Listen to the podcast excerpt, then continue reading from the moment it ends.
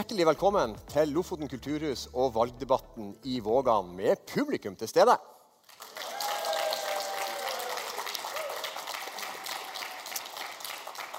Det er fem dager, fem dager igjen til valget. Jeg får nesten litt frysninger når jeg sier det. Fem dager, og Det betyr at politikerne de, de er skarpskodd. De er klar for uh, å legge ned den siste innsatsen for å bli valgt, for å få din stemme for å kunne styre Vågan kommune. Denne debatten det er et samarbeid mellom Våga næringsforening og Lofotposten. Våga næringsforening de har tatt seg av eh, alt bortsett fra innholdet i debatten. Det er det vi i Lofotposten som er ansvarlig for. Innhold og regi. Men som jeg sa på Leknes, ikke innholdet i det politikerne skal si, for det får de styre helt og holdent sjøl. Om du ser på nå, så gjør du det enten direkte eller i opptak på lofotposten.no. Hvis du eh, lytter til oss og holder på å gjøre noe helt annet, så hører du nok på podkasten Lofotpodden, for denne debatten går ut uh, som én episode i Lofotpodden på podkast. Dere skal få møte alle kandidatene fra partiene som sitter i kommunestyret i dag. Men vi skal starte med en liten duell mellom Camilla Rostad fra SV og den ferske ordførerkandidaten fra Høyre, Vidar Tom Benjaminsen. Applaus til deg.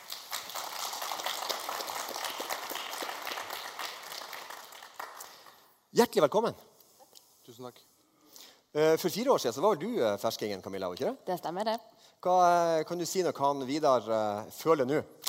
Jeg tror han er relativt godt forberedt. Litt nervøs og litt spent. Ja, ja. Men trenger han noe støtte, så kan han bare komme til deg. Yes, Ikke noe problem. Ikke noe problem. Vi får se hvor lenge den varer.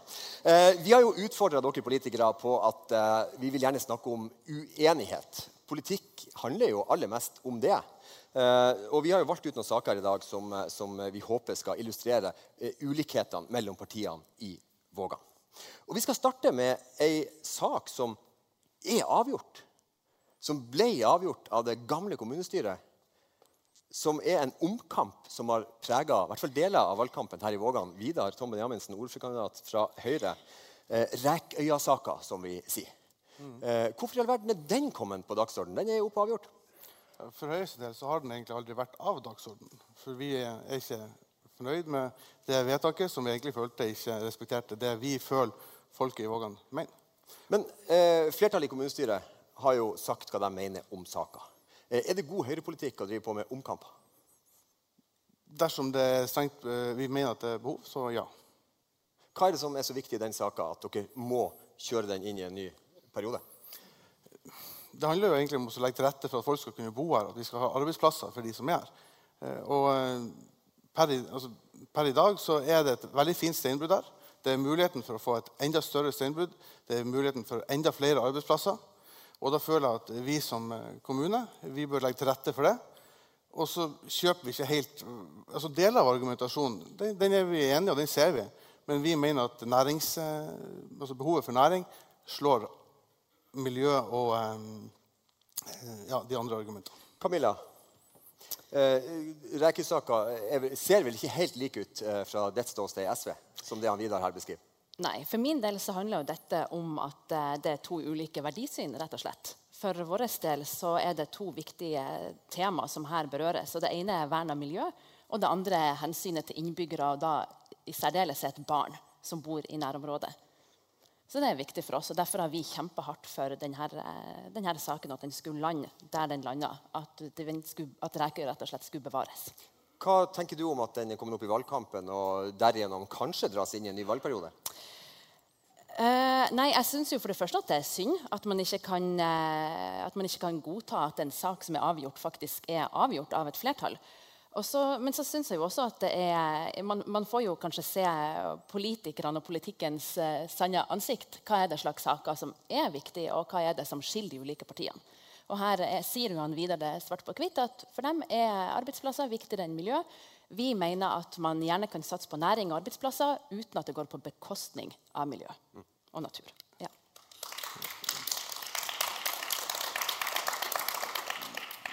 Ja. Nå var jeg kanskje litt uheldig i hvordan jeg ordla meg. Jeg er litt nervøs. Men eh, vi mener jo ikke at vi skal skite inn miljøet. Det er på ingen måte det vi sier men vi mener at miljøgevinsten i akkurat dette tilfellet ikke er stor nok til å eh, stoppe eh, arbeids, altså behovet for arbeidsplasser, behovet for utvikling og næring. Men eh, dere er på arbeidsplasser og, og, og utvikling. Eh, motstanderne her er på, på, miljø og på vern og de myke verdiene. Og så mener uh, dere da på borgerlig side at de som uh, argumenterer mot dere, det er fanatikere? Nei, på, på ingen måte. Vi, eh, Fanatismen? Det sto vel ikke på den måten i det leserinnlegget. Men fanatismeordet var brukt? Ja, det, sto, det var brukt. Det sto at det var fanat, et eksempel på fanatisk miljøpolitikk. Og hva, hva, er det som er fanatisk med den miljøpolitikken som det og Camilla Rostad og venstresida forfekter?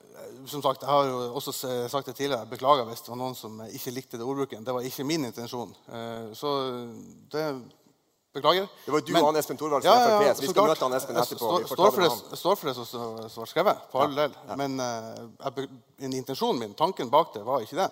Så får man jo heller bare stå og ta det som lærdom. Og jeg og Camilla er fortsatt gode venner, så jeg tror det går bra.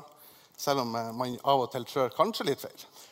Men så Rekkjasaka ble da en sak om språkbruk i politikken. Camilla, og, og Tok dere egentlig ut noe fra saka for å slippe å diskutere egentlig saka og diskutere ordbruk i stedet?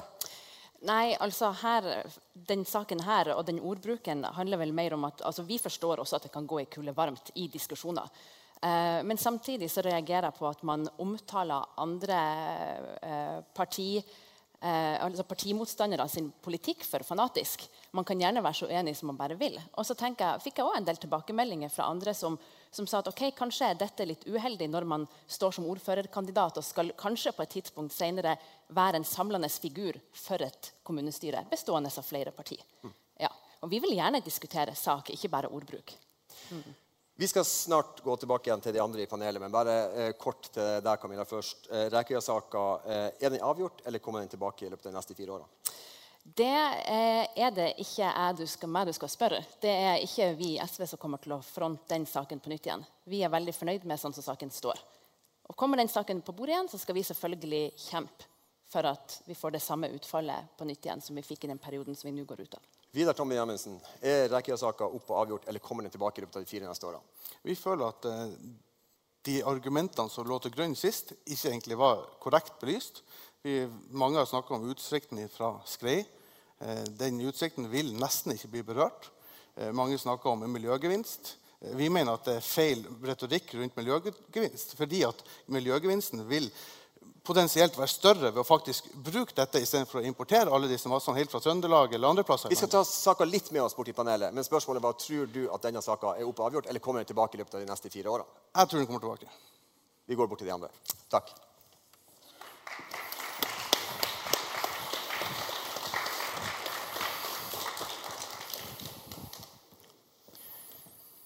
Der er jo Camilla fra SV kommet seg på plass, og han eh, Vidar fra Høyre kommet seg på plass. og Da skal vi rett og slett presentere resten av panelet. og det er jo, eh, Vi skal gjøre det sånn at vi tar de som eh, har vært med på dette før, først. Så Frank Johnsen, ordfører, ordførerkandidat fra Senterpartiet.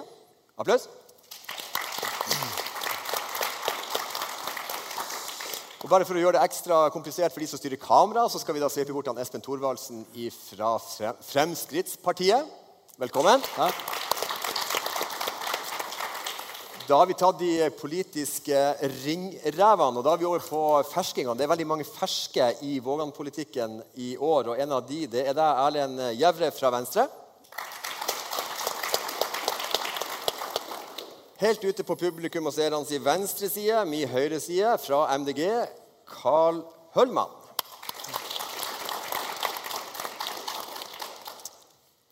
Så har vi eh, på min venstre side Velkommen til Marit Olsen fra Arbeiderpartiet.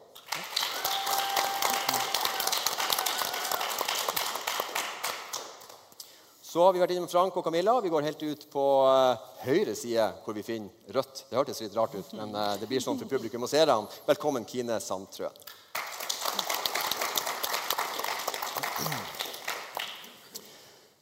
Frank Johnsen, du er ordfører og har vært det i den perioden vi nå legger bak oss. Sett for Senterpartiet og har jo vært med på Rekøya-saka. Vi skal ta den med litt videre her. vi hører jo Eh, og så hører de med til historien at eh, den saka her den, den eh, splitta både parti og posisjon. Dere brøt ut, blant annet. Ja, vi stemte ikke med de andre. Nei. Så, men, men eh, vi hører jo eh, SV og Høyre stå her og snakke om samme sak, eh, men de snakker ikke om de samme tingene. Eh, hva er Rekkøya-saka for deg og Senterpartiet? Det er jo sånn at eh, Jeg opplevde jo den gangen og fortsatt Nå har vi ikke partibehandla det på nytt, for jeg tenkte jeg er litt enig med Camilla at en sak kan være avgjort. Så vi har ikke behandla det hos oss. Men eh, for, for, oss så handler det om at vi har behov for å ha et, et steinuttak. Eh, og det, gjør, og det har vi på Rekøya. Og hvis vi ikke har det på Rekøya, så må vi ha det en annen plass. Så tenker jeg at der har vi allerede ødelagt det som er av natur. Og vi kunne, vi, jeg var jo statsforvalteren og forhandla frem et kompromiss hvor mye vi fikk lov å ta ut. Eh, Vidar sa i stad at eh, det skal nesten ikke merkes fra skrei. Men det får ikke, altså, den, den meglinga som vi gjorde med, mellom fylkeskommunen og oss, eh, med statsforvalteren til megler, den sa at det skal ikke vises fra skrei. Altså, vi, vi, får lov å ta alt som ikke vises fra skrei, kan vi plukke vekk. Men det som de ser fra den sida, skal ikke røres. Men så valgte jo kommunestyret, eller flertallet i kommunestyret en annen løsning. Ja. Men, men, men, men for, for, deg Eh, og dere, eh, handler denne saka mest om arbeidsplasser og utvikling eller mest om miljø og vern? Jeg tenker at Det handler om begge deler. For vi må ha som jeg sier, et, et såpass stort masseuttak for næring. Og så er det samtidig sånn at for miljøet sin del så er det jo at vi må ha, altså Hvis det ikke skal være der, så må vi ødelegge et nytt område i kommunen for å ha den mulighet for å ta ut den steinmassen. Espen Thorvaldsen, du var nevnt borte ved disken eh, i sted. Eh, du er en av de to som har brakt fanatisme inn i Rekkøya-debatten. Er det et ord du eh, lever godt med at blir brukt? Det lever jeg godt med blir brukt. Det har jeg brukt flere ganger i kommunestyresalen. Og det har jeg brukt eh, kanskje spesielt mot politikken til SV og Rødt. Hvorfor det? Eh, fordi at jeg tenker at Jeg skal si det så sterkt at det som skjedde i Kabelvåg, det var rett og slett en nedlegging av bedriften betong, betongbedriften. Og det er fordi at Hvis dere leser den saken nøye, så vil dere se at den bedriften hadde en plan. Og den krevde forutsigbarhet. Og planen det var å ta ut langsiktig steinmasse i Rekøya og bruke den i betongproduksjon. Istedenfor å hente den fra Trøndelagskysten. Og det grepet som den bedriften ønska å ta, det var nettopp for å, å kunne kunne konkurrere med sine konkurrenter om å ha en mer bærekraftig betongindustri. Og akkurat den beslutninga der, det, den muligheten fikk ikke bedriften. Så det var av de, av de eh, det var en av de årsakene som gjør at den bedriften er lagt ned i dag. Uh, og Det er jo en av påstandene som også har vært diskutert i lesebrev i, uh, i Lofotposten her om hvorvidt dere har rett på det, og i forhold til hvor mange vekttall dere har på økonomi, ser jeg SV også har brakt inn i debatten. Så her går det litt frem og tilbake. Uh, Marit? Så vidt jeg har skjønt, så det, altså den nedleggelsen av, av betongsenteret har jo ingenting med den, den, det vedtaket som ble gjort. Det har jeg forstått at eierne også mener. da. Eh, så, så, det tror jeg er litt feil. Eh, på den andre sida vurderte også vi viktigheten av, eh, av arbeidsplassene, men også miljø. Sånn, det, det, handler om begge deler. Og det må vi ta med, og så tippe vektskåla over på den miljøsida. I hvert fall for oss, og vi har gjort vedtak både i, i partiet og i kommunestyret som vi tenker står godt. Mm. Og så eh, skal vi, du, eh, Espen, du står midt mellom MDG og Venstre. og Dere har jo en egen kamp dere imellom. ser det ut som. Dere kappes litt om å være de grønneste i eh, ordskiftet nå. Hvem av MDG og Venstre er grønnest, eller det fremste miljøpartiet i Vågan? Erlend? Si, altså, for meg så er det ikke nøye å være mer katolsk enn paven. Altså, det går ikke an å si noe mer nei til å sprenge Rekøya i mitt hode. Så om hvem som er grønnest av oss to Jeg syns at den diskusjonen er litt uinteressant. Jeg er mye mer interessert i å diskutere vi skal, hvordan vi skal heller bygge opp andre arbeidsplasser enn de vi trenger å sprenge den naturen vi har igjen for, mm. enn hvor mye vi skal verne Rekkøya. For det at, jeg tenker vi er ganske enige om at vi skal verne Rekkøya. Hos oss har det aldri vært noen diskusjon engang innad i partiet. Vi er for å verne Rekkøya. Og det tror jeg Karl også vil si omtrent det samme. Så, ja. det, dere kan jo si at det er uinteressant, men der ute eh, sitter faktisk folk og, som skal stemme også ut ifra miljø. Og da tipper jeg jo at dere går og beiter litt på de samme velgerne. Hva du sier eh, Karl? Hvem er grønnest og mest miljøvennlig av Venstre og MDG i Vågan? Jeg tycker det er fel spørsmål i sammanhanget. Det handler ikke om miljø i denne saken endast, utan det er et samfunnsperspektiv vi vil ta her. Hva er egentlig bra for kommunen? Cementproduksjon må vi ha, men det er ikke bærekraftig i seg selv egentlig. Vi vil minimere bruken av det, vi vil unngå å bruke det fra begynnelsen av. Hva finnes det for smarte tiltak vi kan gjøre i kommunen for å bruke massene lengre? Og ta ut masser på lengre tid på Räköja. Og så har vi mer tid til sen utrede bättre alternativ som ikke er nære skole, idrottshall med tung trafik f.eks., og som forstør inseglinger og forbiseilinger til Storvågen. Mm. Det fins mange perspektiv her utover det rent grønne perspektivet. Da kommer eh, bomiljøet og de myke verdiene. Det, det, er vel, det er vel få saker du ser på der, Frank, det er vel få saker som, uh, i lokalpolitikken som inneholder så mye. Vi har nå brukt litt av tida på å diskutere hva egentlig saka handler om, og nå kommer bomiljøperspektivet også inn. Det har alle elementene. Det er ikke tvil om det. Den har alle elementene? Ja. ja. Kommer saka tilbake igjen de neste fire årene? Det vet vi jo ikke. Eh, per nå så er det jo parti, to partier som har sagt at de ønsker den opp. Eh, og så er det noen som har sagt at de ikke ønsker en opp. Og så er det noen som ikke har gitt et svar. Så det blir veldig spennende å se altså, Hvis diskusjonen er at går på ordbruk, så tenker jeg at jeg har allerede bestilt meg ei T-skjorte der det står 'klimafanatiker'. Så det, den tror jeg vi skal leve godt med. Men jeg tenker jo at som Carl sier, altså, vi er nødt til å være litt offensive nå på å tenke at kanskje ikke vi trenger å bygge, og vi kanskje ikke trenger å sprenge, og kanskje vi ikke trenger så mye masse som det vi har brukt tidligere. Vi er nødt til å prøve å være gjennom de grønne øyene, og der Lofoten skal være en bærekraftig og grønn område. Der vi ikke trenger å gjøre sånn som vi har gjort bestandig. Mm. Vi skal gli litt over på næringspolitikk eh, generelt. Men, men eh, vi kan heller ikke slippe den rekkesaka helt. fordi den kan jo, Ut ifra den retorikken som har gått i valgkampen så langt, så kan denne saka også få betydning for hvordan eh, makt fordeles etter valget. Eh, og Det er dere i MDG som har brakt inn. Dere syns SV er Nå husker jeg faktisk ikke helt ordet eh, på det. Det var ikke fanatisk, men uh, dere syns ikke veldig mye om at Venstre ikke ville sette foten ned og ikke samarbeide med de som stemte for utvikling av Rekkøya. Så dere mener at dette er uh, en så viktig sak at man skal stille veto i forhandlinger? Ja, vi tycker att det är ett viktigt poäng för oss att göra i den här sammanhangen för vi spelar just på det kortet att vi är blockoavhängiga. Vi samarbetar inte med partier i de frågorna som de inte är eniga med oss i. Och det är väldigt viktigt att väljarna stämmer på oss av den anledningen för att då vet de att stämmer de på oss så ger de inte en röst i andra saker som man egentligen inte är enig i. Det är helt avgörande för Miljöpartiet att våra väljare får veta det. Och det tog vi fram just genom den lilla debatten eller ordvekslingen som var i Lofotposten häromdagarna. Mm. Men betyr det att för MDG så är det uaktuelt å være et støtteparti eller samarbeide i en koalisjon ja. sammen med noen av de partiene som stemte for Eikøya? Ja, vi kommer ikke være et støtteparti eller i en koalisjon med noe annet parti. Dere skal være fri ja. uansett? Ja. Ok, da har vi holdt på å si. Parkert dere der. Ja. Eh, men Venstre? Ja, altså, vi i Venstre har jo lange tradisjoner for å samarbeide og få til våre ting gjennom samarbeid i stedet for å stå utafor.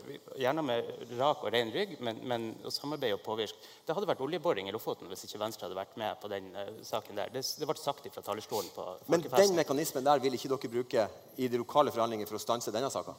Vi er, vi er, nødt til å se hva vi får til i forhandlinger. Hvis får vi flertall, så ja, så skal vi bruke den inn. Vi har ligget på mellom 6 og 8 vi, må, vi vet at vi kan ikke snu de store partiene på det. Vi blir aldri å stemme for å ødelegge Rekøya. Det, det skjer ikke. Det har jeg sagt i din avis. Det som står i Lofotposten, er jo sant. Det vet vi. Det vet så, så uh, blir ikke, vi blir aldri å snu i den saken. Men det er mange andre ting vi kan samarbeide med flere av de andre partiene på. Ja, dere, være... du, det betyr at dere i Venstre kan samarbeide med Frp, med Høyre, eh, med den delen av Senterpartiet som måtte finne på å være enig med dere? Ja. Eh, ja. Vi i Venstre vi er kjent for å kunne tenke mange tanker samtidig. Vi skal ikke gå videre på hva Venstre er kjent for. Vi, vi, lar den, vi, lar Neida, den ligge. Vi har heldigvis ikke mye kornåkre her i byen, så det går nok bra, det. Camilla, Nei, jeg synes jo det er en interessant diskusjon. Og Allerede for eh, fire år siden når vi satt i forhandlinger, så diskuterte vi internt i SV at det hadde vært veldig interessant om klima og miljø kunne gå først, og at man da klarte å tenke nytt. For at Skal man få til en offensiv miljøpolitikk, så tror jeg verken Venstre kan samarbeide på høyresida, og jeg tror vi trenger MDG med i en koalisjon. Så jeg håper jo at det går an til å samles om en felles miljøpolitikk og kanskje tenke nytt i denne valgkampen. Så du frir egentlig til fløyen her nå og vil samles rundt miljøpolitikken og bygge en ny koalisjon? Jeg tenker at Hvis klima og miljø skal stå først, så tror jeg man er nødt til å tenke litt. Jeg sier ikke at det er der vi kommer til å lande. For at en, en, en um, sondering etter valget vil jo vise hvor man lander og saker som, som veier tyngst. Men vi har jo merket at i den posisjonen vi har vært i, så har det vært enkelte partier som har latt næring eh, og, og, og annen politikk komme foran miljø og klima. Og det vet jeg jo at andre partier også kjenner på. Så vi må, vi må kanskje tenke nytt og fri oss fra de gamle ja, konstellasjonene. Mm. Eh, Vidar, jeg følte ikke at det var et fri, frieri til deg. Nei, det kan du kanskje si. Men eh, jeg er åpen for det meste, og Camilla også, hvis hun kommer, kommer med noe giftermål. Eh. Altså, 'Jakten på kjærligheten' går på TV 2. Jeg er gift, altså. Eh, og det er jo Camilla òg.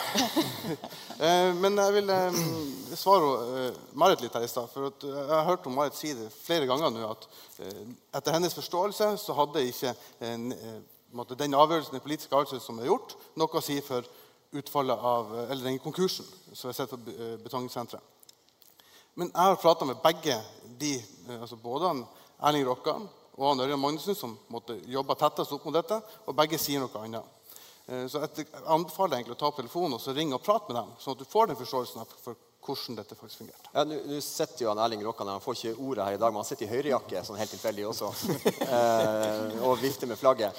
Marit? Eh, så vidt jeg kan huske, så sto det i Lofotposten et intervju med Erling Rokkan. og du nevnte vel at alt i Lofotposten er, er sant? Ja, det var Venstre som sa det. Det var Venstre som sa det, ja, ok. Ja, da, da vet jeg ikke helt. Men, men, jeg mener at det var satt der, og, og det tok jeg for, for gitt. Altså, at det var medførte riktighet. Men her har du samtale en gang før, og da forklarte jeg da også at eh, det som sto i Lofotposten, var ikke hele uttalelsen. De må kun ta den første delen. Så Ørjan Magnussen følte seg selvsitert. Nå må du være forsiktig. Nå ligger Venstre mye bedre an så langt i denne debatten. Eh, Espen? Nei, Til den saken så, så må vi jo være litt eh, praktisk også. Det må jo være et behov hvis vi skal reise den på nytt. Det må være utgangspunktet. Og I dag er det jo en, en ny bedrift som har starta der med betongproduksjon. Og det har de helt sikkert gjort, eh, næringa i Vågan, for å sikre produksjonen til lokalsamfunnet her. Men hvis denne bedriften skulle gjøre det samme som den forrige gjorde, så begynte å se seg rundt omkring her i, i nærområdet og bygge opp bedriften med flere arbeidsplasser, så kommer denne problemstillinga opp på nytt. For da er du nødt til å, å ha en produksjon i Kabelvåg som er mer bærekraftig enn det er i dag, i den grad betongproduksjon er bærekraftig. Carl mm. uh, Høymann fra, fra MDG. Uh, vil bare gå litt tilbake til den, den, det åpne frieriet her fra Camilla. Hvis miljøet kommer først, uh, og dere kan være med og sikre flertall for en ny koalisjon som setter miljøet først, skal dere fortsatt være blokkuavhengige? Ja, så saken er at vi går til val på det. Jeg tenker at det er et viktig, viktig argument for å stemme på MDG for jeg tror at det kommer behøves et sånt her blokkuavhengig parti i många Og Sen tror jeg at vi kommer samarbeide med SV og flere andre partier, egentlig kanskje på båda sider av skalan. Men SV kan säkert være et parti som vi har veldig mye sammen med. Ja. Ja. Men noe fast forhold det er du ikke ute etter i dag? Situationship er det vel det nye. Kine fra Rødt, vær så god. Ja, når det kommer til Rakøya-saken, så er det jo sånn at det her har jo vært flere runder i kommunestyret. Og der at eh, vi ikke ønsker eh, noe mer eh, sprenging der.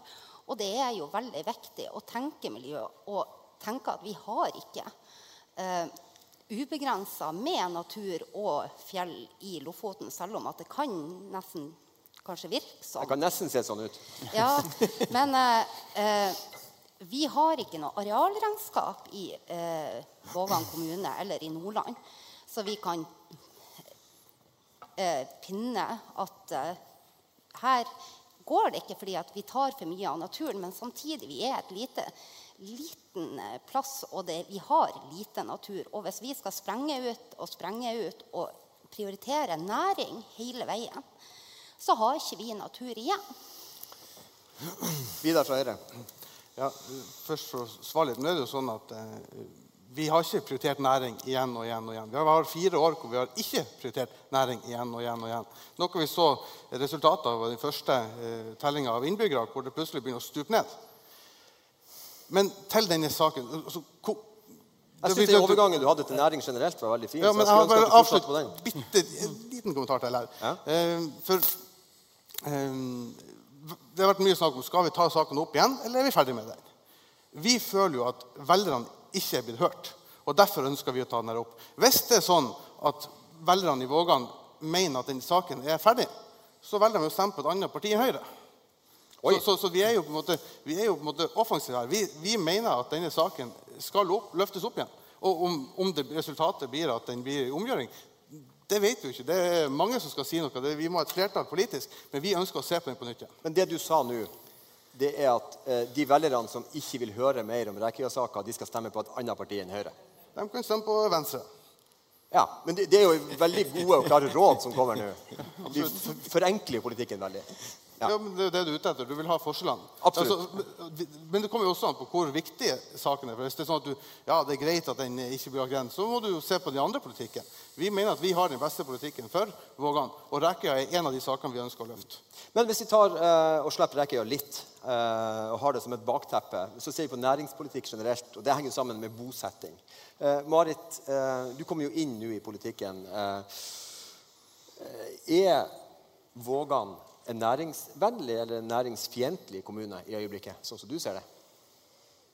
Jeg ser jo på dem som en næringsvennlig kommune, men jeg er ikke i tvil om at man kan bli enda mer næringsvennlig sånn sett, og legge til rette for, for næring og ha næringsarealer tilgjengelig for de som ønsker å etablere seg. Det syns jeg er viktig at vi har. Men hva, hva er det konkret kommunen kan gjøre for å bikke helt over på at, at, du kunne ha svart at Vågan er en næringsvennlig kommune? Eh, kanskje flere eh, tilgjengelige næringsarealer. Næringsarealer. Mm, tror jeg kanskje. Ja. Eh, en av mange ting. Og så skal vi ikke bare være næringsvennlige, vi skal også være eh, vennlige for de som bor her, og de som skal jobbe her, og de som skal gå på skole her. Og så øh, flere tilgjengelige næringsarealer. og så bare minner jeg om at Rekkøya ligger på et næringsareal Ja da, som. Ja ikke skal Eh, utnyttes. Eh, Frank? Ja, vi, Jeg opplever jo at vi er en næringsvennlig kommune. Og så har vi gjort noen grep for å bli enda mer vennlig. Vi har hatt eh, store utfordringer med saksbehandlertid på eh, bygg og plan. Der har vi ansatt fem nye ingeniører. Det er jo det som skal til tenker jeg, for å få oss ennå opp. Og vi har arealer eh, rikelig med regu- innregulerte næringsarealer. Og det er mulighet for mer. Og vi trenger mer ute i distriktene også å få etablert. Og så eh, stusser jeg jo litt på eh, kommentaren med at folketallet stup, har stupt de siste årene. Det har jo økt. men jeg vet ikke, Dere sier jo dere er økonomer, men jeg blir jo litt i tvil altså om matematikkunnskaper. Folketallet har økt. Folketallet øker. Eh, Statistikk er livsfarlig, så, eh, men folketallet har økt. Ja, Men det gikk ned siste kvartal. Det er rett. Ja. Men eh, et av arealene som vi har til næring i Vågan i dag, det er jo Osan, Osan næringspark. Osan Syd. Eh, Osan næringspark nede ved Skarvik. Den har alle, ja. Eh, Osan Syd er vel litt lenger Det kommer. Det kommer. Men hvis vi starter med, med, med det arealet som ligger der som Skarvik, de store eh, skipshallene, er i Osan. Eh, så er det, Der er jo et næringsareal som så, eh, jeg har skjønt det, og som det har stått i Lofoposten, eh, at her vil bedriftene utvikle. Her vil det faktisk satses. Men det skjer ingenting. Hvorfor skjer det ingenting der, Frank? Det skjer ingenting der eh, akkurat nå fordi at eh, Vegvesenet har forlangt at vi skal endre den avkjørselen. Og så har vi megla frem en avtale med de bedriftene som er der nede, at de skal lage en ny regulering på den nedkjøringa til eh, Osa næringspark. Det har de foreløpig ikke fått på plass. Når den er på plass, så åpner vi. Har gitt en del dispensasjoner. Eh, Opptil to eh, for enkelte av bedriftene. Eh, men vi håper jo at det her kommer på plass ganske fort. Men er den saka løst? er det det du sier? Den skal være løst så snart den reguleringsplanen blir behandla. Når er det? Det vet jeg ikke. Espen, replikk. Den er vel ikke løst, for at uh, Statens vegvesen har sagt at uh, her må vi ta kostnaden sjøl. Ja. Og så har man, så hvis jeg ikke leste feil i Luftpost, var det snakk om 20 millioner. Men den, den uh, avtalen på hvem som skal dekke hvilke kostnader, den er også fremforhandla, så det skal være løst. Så de 20 millionene betyr ingenting? Saka er, Saken skal være løst. så det er kun et vedtak om regulering som mangler for at den saka er løst? Ja, og så skal det jo gjennomføres. Altså, det er jo ikke bare å regulere at avkjøringa skal bli sånn, og så tenker vi at da er det i orden. Det må jo også bygges. ikke sant? Men Vidar. Han Espen sa egentlig litt det som var inne på. Da får han Espen ta replikken videre. ja, fordi at eh, jeg antar jo at eh, det er enighet om fordelinga. Jeg antar at kommunen er en part i den fordelinga. Så det betyr at vi må inn med noen penger der. Jeg har ikke detaljene, men eh, det kan godt hende. Ja, jeg tror det er sånn. Og da har vi jo en interessant case. For at, uh, da skal vi trylle fram noen millioner for å løse, løse akkurat den casen. Camilla, er dette en sak som eh, inneholder noe miljøperspektiv eller miljøelementer som gjør at den kan bli like vanskelig som Rekøya? Det var ikke et fleipete spørsmål. Tenker du på Osan syd, eller Nei, du, dette Osan næringsparkområde. Ja, nei, jeg- Skarvik-området. Ja. Jeg tenker jo at det områder som er allerede utbygd, hvor det allerede er næringsvirksomhet, er jo definitivt områder vi må fortsette å utvikle, i stedet for å rasere andre naturområder i kommunen. Og så vet jeg ikke om jeg fikk ordet for å bare kommentere det, for jeg ba jo om ordet også. hvis jeg får lov til å fortsette. Du kan få lov til å fortsette. Ja, takk. Eh, når det gjelder arbeidsplasser, så ble- har vi den siste perioden blitt kontakta av flere private næringsdrivende som ønsker å etablere seg i kommunen. Bl.a. et selskap som heter Myrese, som nå endte opp med å etablere seg på Andøya fordi at de ikke fikk eh, For at ikke kommunen var på tilbudssida, rett og slett. Og jeg tenker jo at Når vi snakker om arbeidsplasser og næringsvirksomhet, så er det faktisk viktig å huske på at ikke alle næringer og alle arbeidsplasser som krever mye areal. Vi må også være fremme i skoen når det gjelder å kartelle oss arbeidsplasser fra statlig sektor og fra regional sektor. Og så har vi i vårt partiprogram fronta at vi skal være på tilbudssida for gründere. At har vi lokaler i kommunen som er ledige, ja vel, la noen få lov til å låne de, sånn at de kan få lov til å etablere seg i kommunen. Men du viser her til et konkret eksempel på en bedrift som ville til Vågan, Ja, eh, men havna på Andøya. ja. Hvorfor kom de ikke til Vågan? Hva som gjorde at de ikke ble tatt imot og ble etablert her? Frank vil svare på det. Ja, vi, vi har jo hatt mange møter med de, og de har vært i formannskapet og gjort rede for hva de ønsker å gjøre. Men de hadde jo noen ønsker. Eh, altså de ønsker, de ønsker å etablere seg her, men de vil ha gratis arealer. De vil ha, alt skulle være på en måte tilrettelagt for at de skulle få det best mulig uten at skulle, de skulle bære noe risiko. Vi skulle bære risikoen. Eh, og så er det sånn at Andøy har kanskje fått en del eh, millioner som de kunne bruke fra sine næringsfond. Så vi, var, vi følte oss ikke i stand til å ta imot dem. Ok, eh, bare helt på, på den, Vi skal ikke gå videre inn i den enkeltsaka, men hvor mange arbeidsplasser var det som seilte forbi til Vesterålen? Det er jo et sånn usikkert tall. Dette er jo en bedrift som driver med eh, altså De lager jo sånne ting som det her. For å si, der vi kunne nå sett ut som vi sto i, på Hawaii. for å si sånn. De lager, eh, Det er en videoprodusent. Eh, men jeg vet ikke hvor mange arbeidsplasser som de kunne Men Snakker vi om ei hånd eller to hender? Eller Nei, vi snakker vel om kanskje om to. om to? Ja. Ja. Uh, Espen, replikk? Ja, så så det, det illustrerer jo veldig godt. Som en konsekvens av at kommunekassa var tom, så dro bedriften til Andøya. Nei, det her skjedde jo på, si, på et tidspunkt der hun fortsatt ikke var tom. for å si det sånn. Det er med andre ord eh, to-tre år siden det skjedde. Eh, eh, Et, et eh, annet poeng i forhold til det Marit svarer på om kommunen er næringsvennlig eller ikke, det er jo liksom det å legge, legge til rette for arealer. Et av spørsmålene som vi har hatt i valgomaten på Lofoposten, det er jo dette med å etablere butikker, næringsarealer, oppe ved E10 i Kabelvåg. Eh, er, det, er det good? Vi tar Venstre først. Ja, spennende. For det at, eh, I utgangspunktet så tenker vi at vi skal forholde oss til den arealplanen som er laga. Så dersom det skal etableres butikk, så skal det være i henhold til den arealplanen som er gyldig. Og da er det et svar nei. Det det er, men det er vanskelig for oss å ta stilling Selv om det er mye bra i Lofotposten, så er det vanskeligere for oss å ta stilling til en sak som kun er presentert i Lofotposten, og som vi ikke har sett hele omfanget av ennå. Så derfor så forholder vi oss til gjeldende arealplan og ikke noe mer enn det. Det er myrområder som er viktige for Venstre og veldig mange andre miljøpartier og miljøforkjempere ellers utenfor politikken altså. Carl fra MDG. Ja, det egentlig en videre til Frank for at du kommenterade i tidningen her om dagen at arealen er ikke regulert for handel og butikk. Så, så enkelt er det. Så det er en vanskelig sak. det er regulert til kontor, hantverk, verkstad, entreprenörsverksamhet. Ja, eller det, det er en vanskelig sak, sier jeg, men det, det høres ut som det er en veldig enkel sak. Det blir ikke butikk, men eh, jeg kan få starte snekkeri der.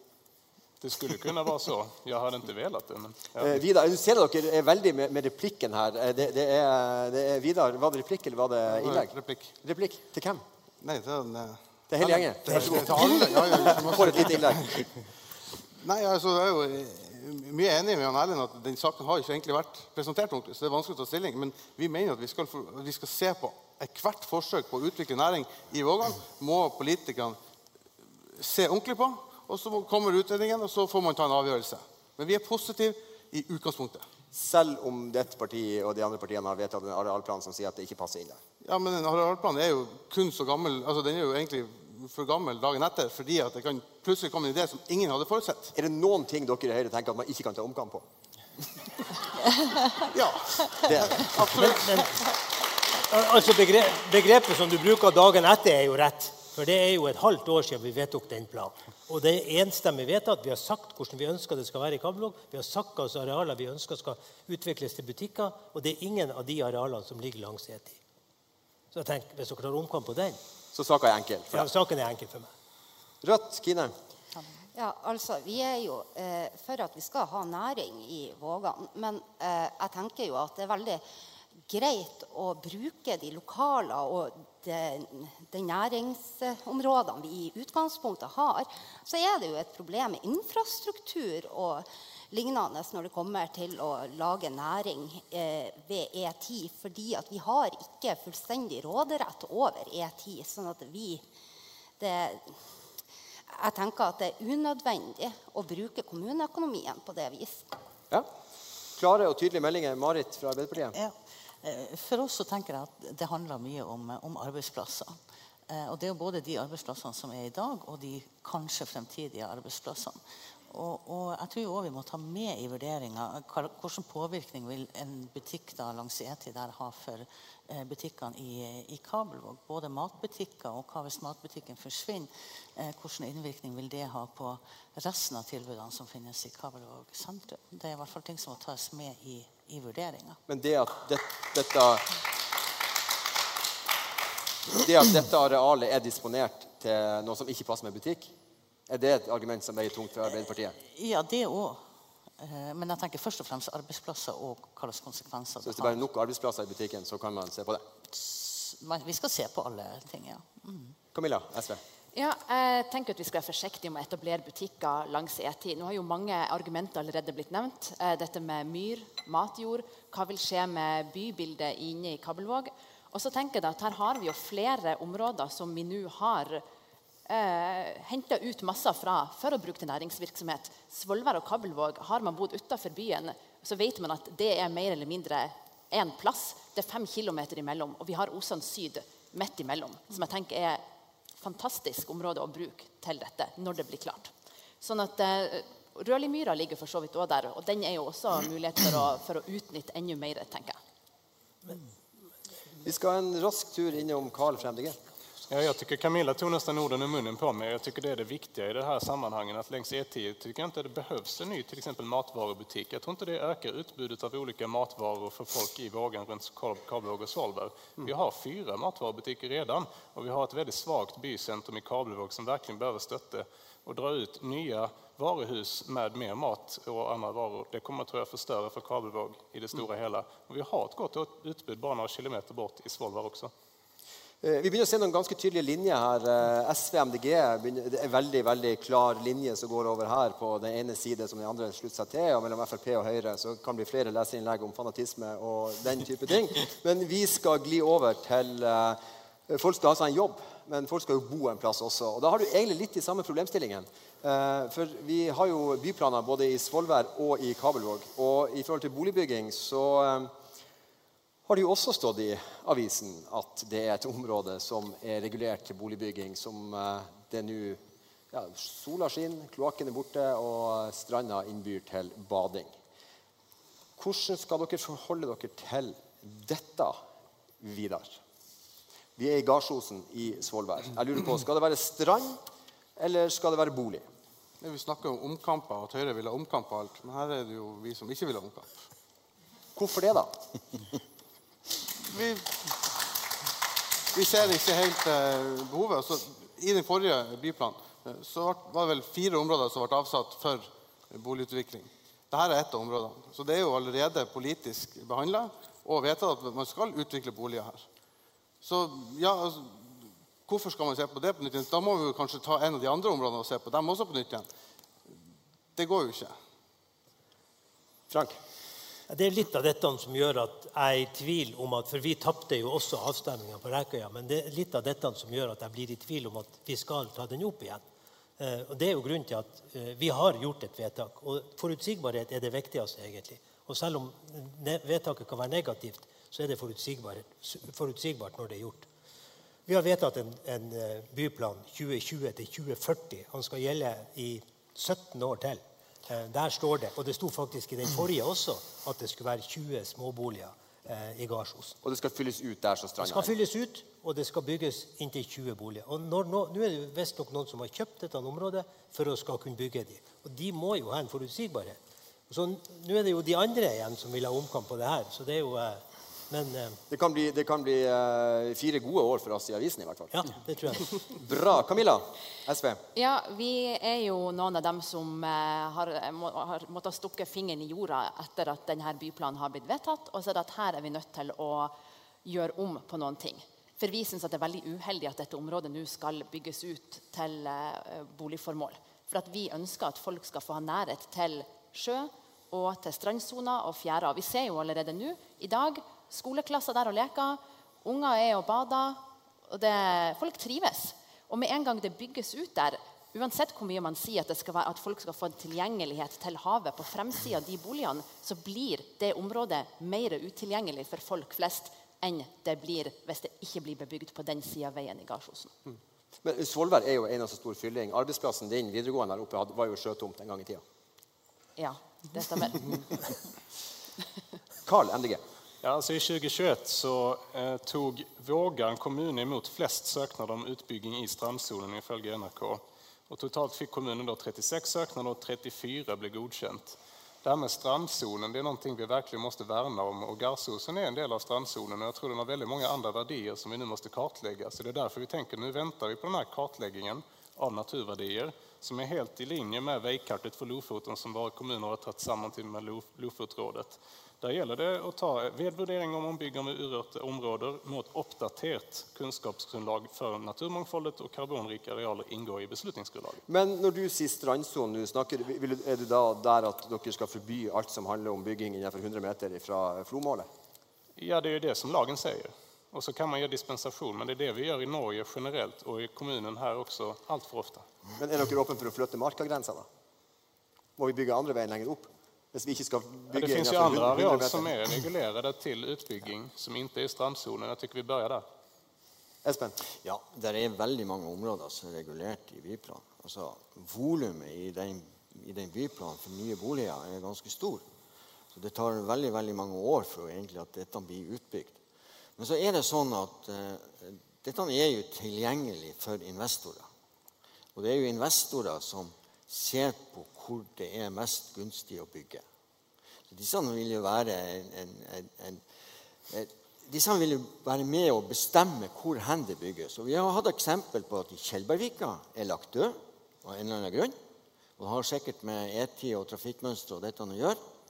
Og så er det spørsmål er det noen som vil bygge i Garsåsen? Det vet vi ikke. Så vet vi at det er et nytt felt oppe med Leiråsen som kommer, som er på trappene. Så det her er jo en konkurranse om tilbydere av bolig. Men nå snakker vi jo ikke om hvem som skal bygge ut. Nå snakker vi om den jobben dere politikere skal gjøre i forhold til å legge til rette for boligbygging eller andre ting. Det har vi gjort. Altså. Det har dere gjort.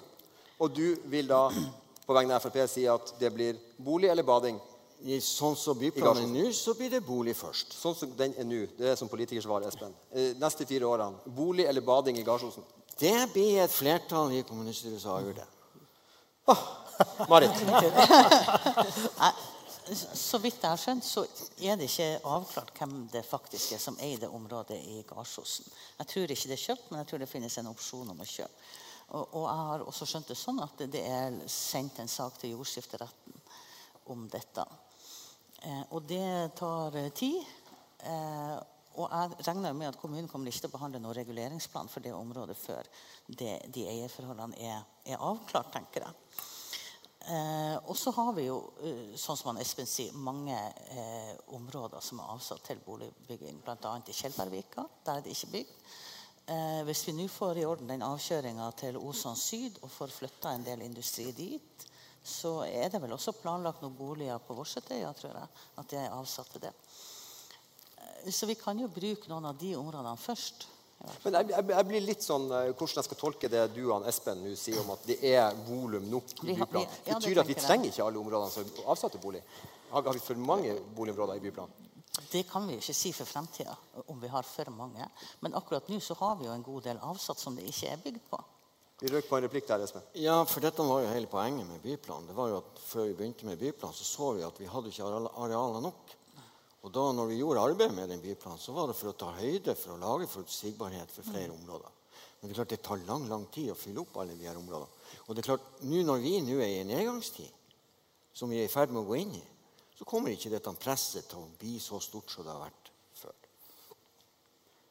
Erlend, Venstre. Altså, jeg er så uerfaren at jeg blir ikke å klare de politikersvarene som Espen og mange andre her har fått til. Så jeg tar det enkelt. Vi er for å forholde oss til den byplanen. Vi kjemper, Venstre før min tid kjempa hardt for å berge markagrensa og berge mange andre områder. Men når det kommer et innspill, så skal vi også følge med på. Vi politikere har et ansvar for at ikke folk får lov å bygge hauløst.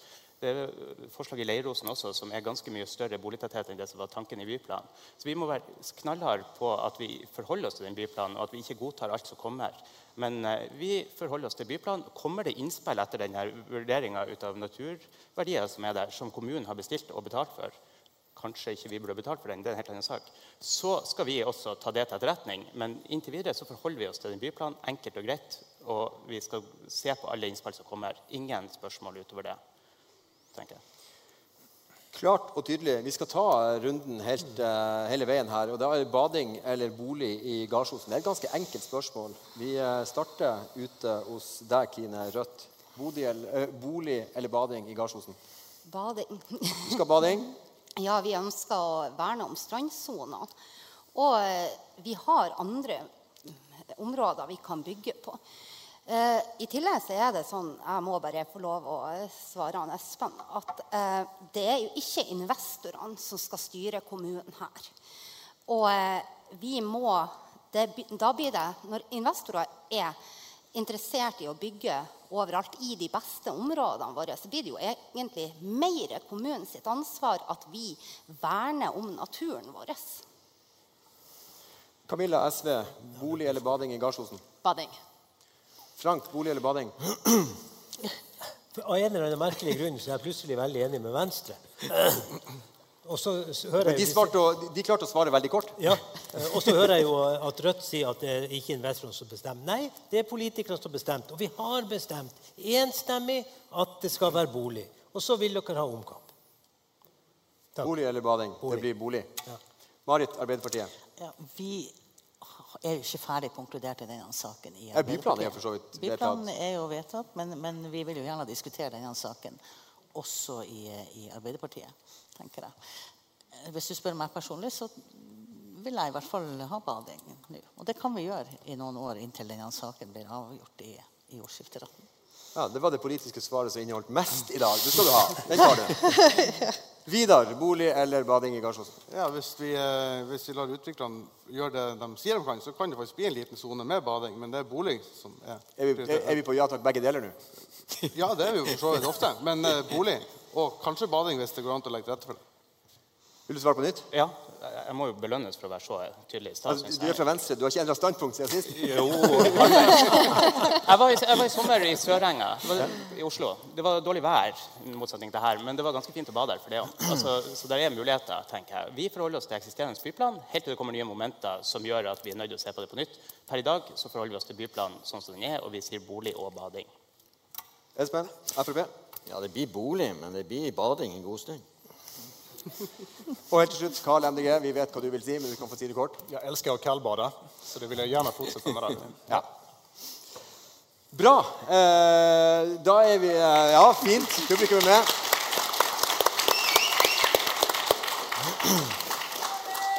Eh, og så vil jeg bare nå på dette tidspunktet i debatten berømme dere politikere for eh, både engasjementet og, eh, og, den uenigheten som dere faktisk klarer å illustrere.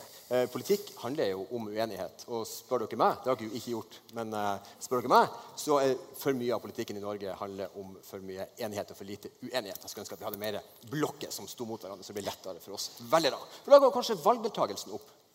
Og det har ikke gjort noe. Nei. Vi skal gå bort til disken, Frank Johnsen. Blir du med meg? Ja. Gi en applaus bortover.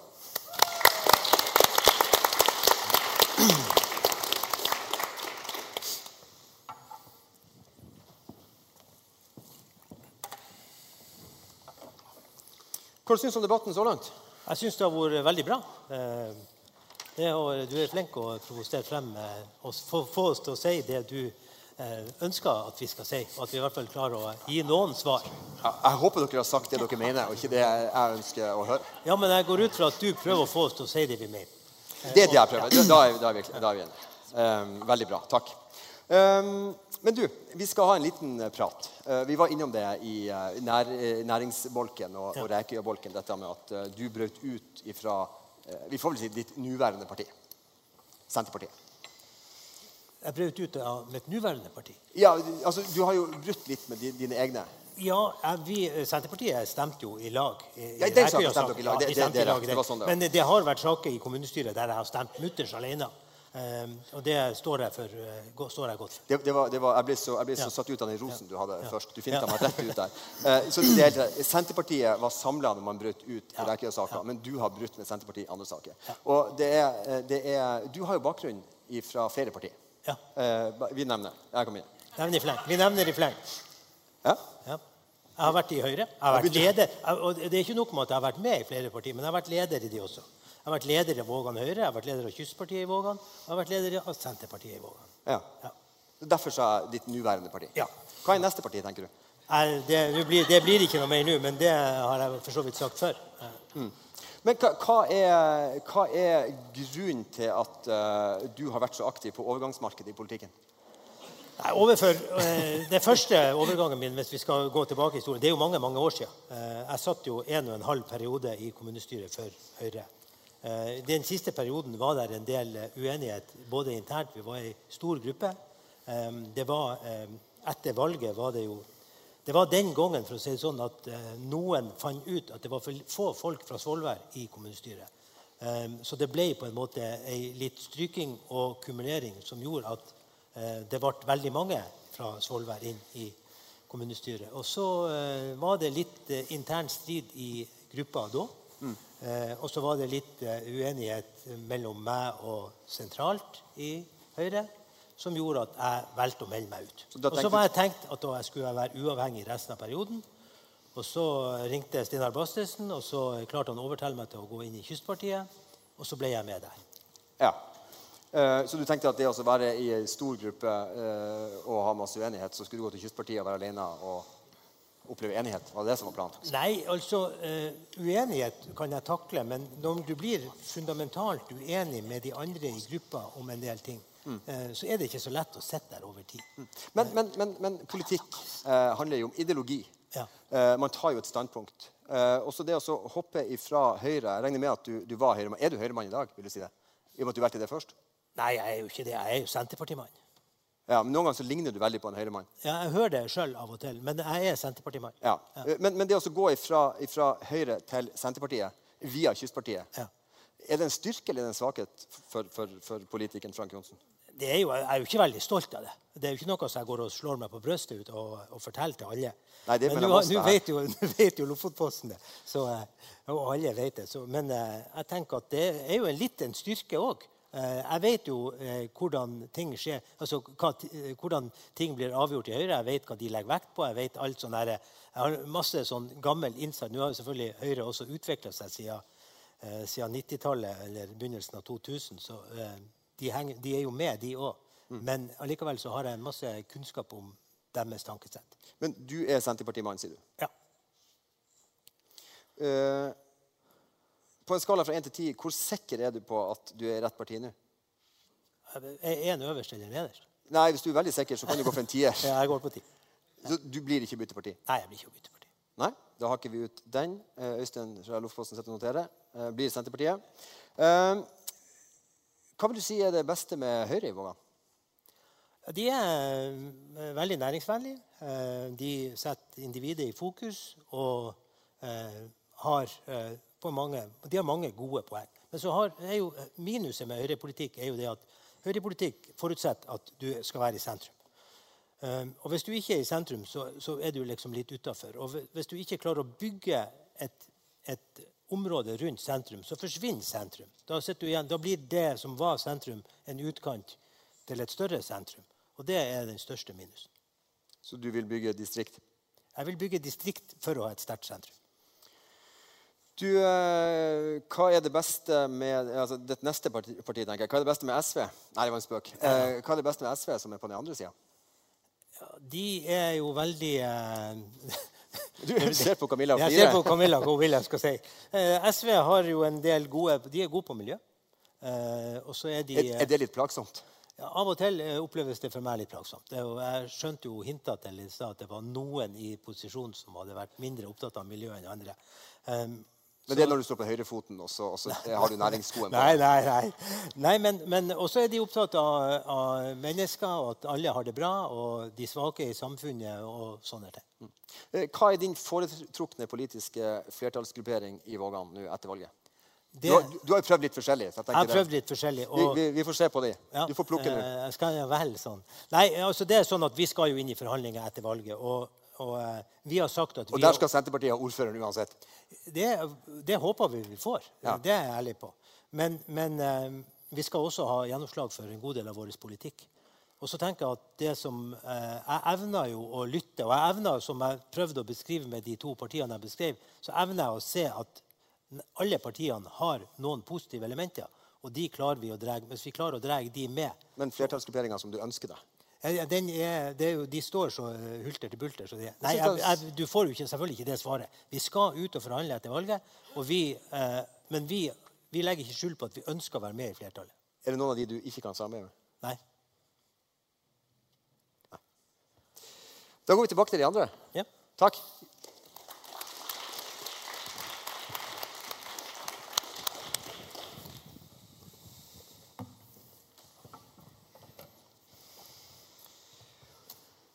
Hadde du håpet han skulle eh, si Høyre? At han ønska samarbeid med dere? Det hadde ikke gjort noe. Nei. Men hvem hadde fått ordføreren da? Det hadde jo vært helt opp til forhandlingene og hvor mange som stemmer på eh, de enkelte partiene. Jeg syns Frank er en kjempeflott fyr. Han synes han er en flott ordfører. Så er vi ikke enige om all politikken og ikke enige om alle valgene som er gjort. Men Frank eh, har vært en god figur for valget. Men det er jo det som er så interessant når politikken går fra valg til forhandlinger. Så har det ingenting å si hvem som har stemt på hvilket parti. Det er jo derfor Senterpartiet har ordfører nå. Det er ikke for at det er de største partiene. Nei, men de hadde et ganske godt valg forrige gang. De var Jo da, ikke, de var er ikke så langt unna Arbeiderpartiet. Det er ikke det største partiet. Det var det ikke. Nei. Så, så hvis dere skulle ha sittet eh, eh, Hvem blir ordfører? Er det, er det et krav fra Høyre at dere skal ha ordfører? Valget avgjør hvem som får ordføreren. Nei, forhandlingene avgjør hvem som får ordfører. ja. Espen? Ja, det er forhandlingen som avgjør hvem som blir ordfører. Ja. Og Forrige gang så var det slik at, eh, at Arbeiderpartiet sa til Senterpartiet vær så god, dere får bli ordfører. Og det er klart det er veldig vanskelig for han Frank å si nei.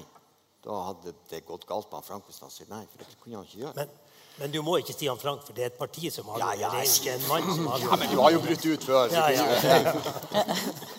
Det der hadde du fiksa. Nei, spøk til sides. Um, vi skal over til uh, ei eh, sak som også inneholder uenigheter i Vågan-politikken. Og Vi skal snakke litt om skolestruktur. Frank, du var så vidt innom uh, sentrum og distrikt. Jeg tror vi tar den med oss faktisk i de, flere av de bolkene vi skal ha nå i den siste gode halvtimen.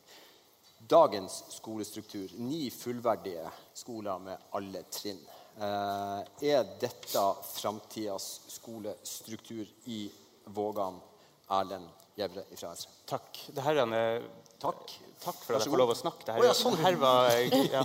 Og takk for et nydelig oppspill, og takk til Luftposten. Alt det der. Men uh, du har sagt at uh, vi i Venstre er så vinglete og alt det der. Du mangler egentlig bare telefon, altså årsmøte i telefonkiosk, så har du brukt opp alle ven- Mm.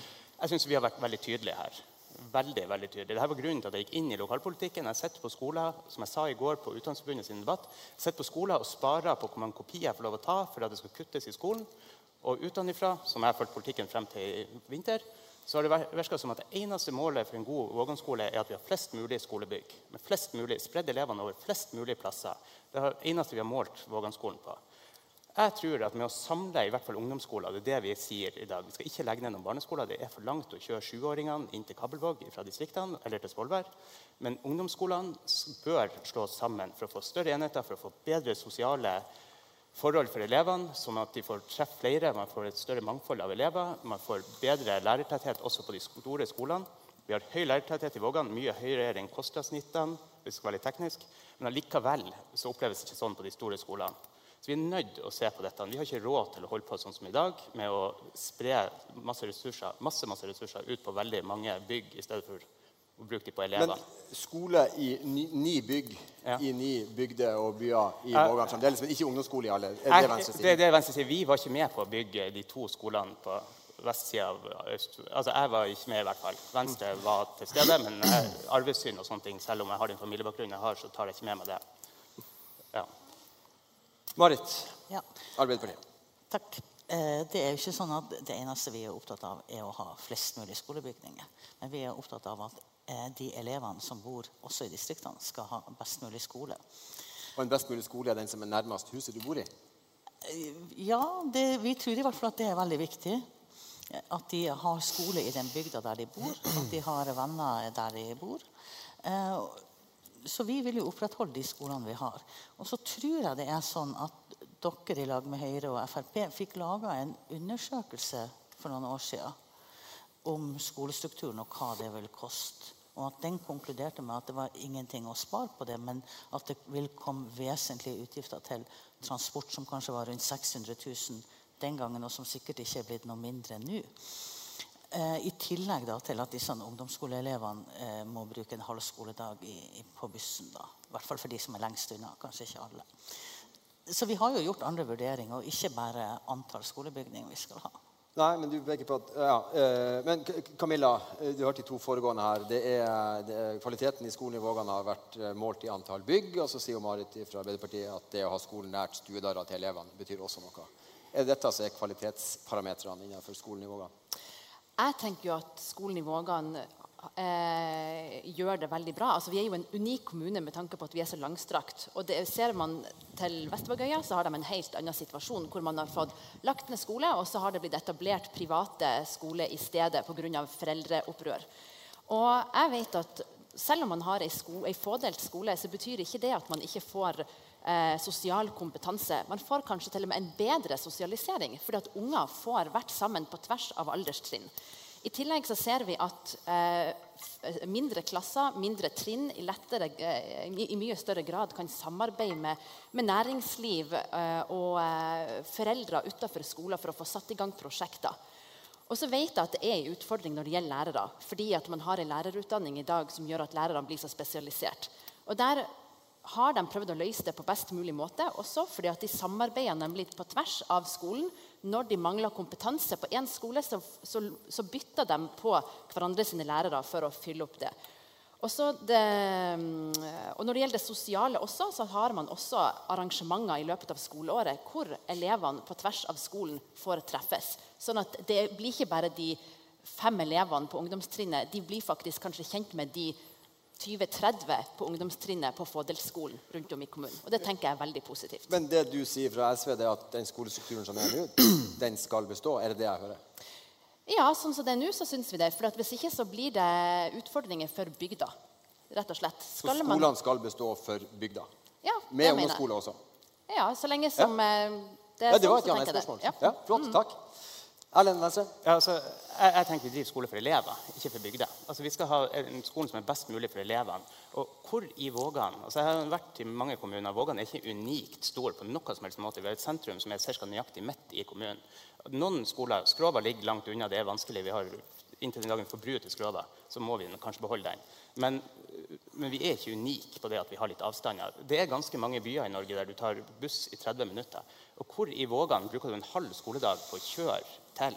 Jeg, jeg vet ikke, Det er muligens plasser jeg ikke har vært. Bortsett fra Digermuren, Skrova, som per i dag ikke er mulig å gjøre noe med pga. Men du har ganske mange skoler som ikke er en halv skoledag å pendle mellom.